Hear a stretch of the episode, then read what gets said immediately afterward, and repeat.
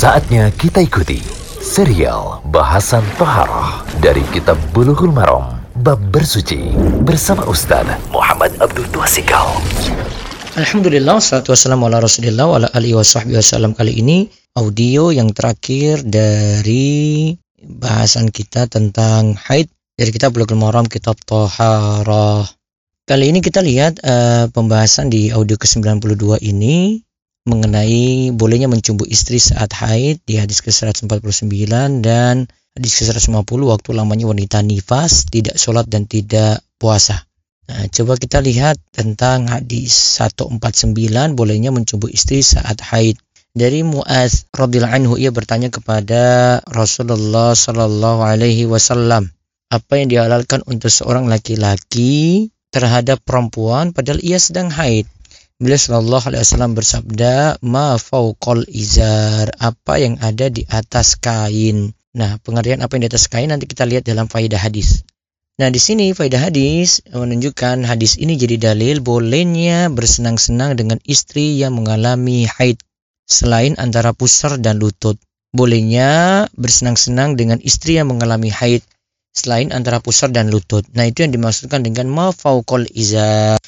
Pendapat ulama yang lain mengatakan masih boleh bersenang-senang dengan istri antara pusar dan lutut asalkan bukan di kemaluan. Alasannya karena hadis yang membatasi antara pusar dan lutut yang tidak dibolehkan adalah hadis doif. Sedangkan hadis sahih hanya melarang menyetubuhi wanita haid pada kemaluan. Kemudian satu hadis lagi itu hadis ke-150 tentang masalah nifas dari Ummu Salamah radhiyallahu anha. Ia berkata, Wanita-wanita yang sedang nifas pada masa Nabi Shallallahu Alaihi Wasallam meninggalkan sholat selama 40 hari semenjak darah nifasnya itu keluar. Diriwayatkan oleh imam yang lima kecuali An-Nasai dan lafaz hadis ini adalah milik Abu Daud. Dalam lafaz Abu Daud disebutkan Nabi Shallallahu Alaihi Wasallam tidaklah memerintahkan untuk mengkodok sholat untuk wanita nifas, untuk mengkodok sholat wanita nifas. Faedah hadis. Hadis ini jadi dalil bahwa lamanya nifas itu adalah 40 hari.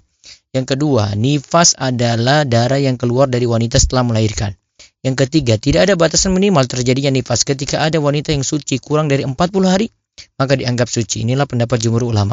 Yang keempat, dianggap darah nifas jika melahirkan dan telah tampak penciptaan manusia. Berarti sudah wujud. Dan ini bisa diketahui dengan tes USG kalau untuk zaman ini.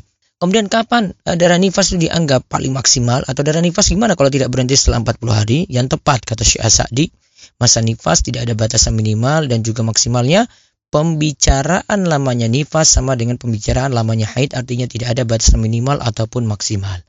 Wallahu alam bisawab audio ke-92 ini menandakan berakhirnya pembahasan kitab Tohara. Walhamdulillahi rabbil alamin. Alhamdulillahilladzi binikmatihi tatimmus shalihat.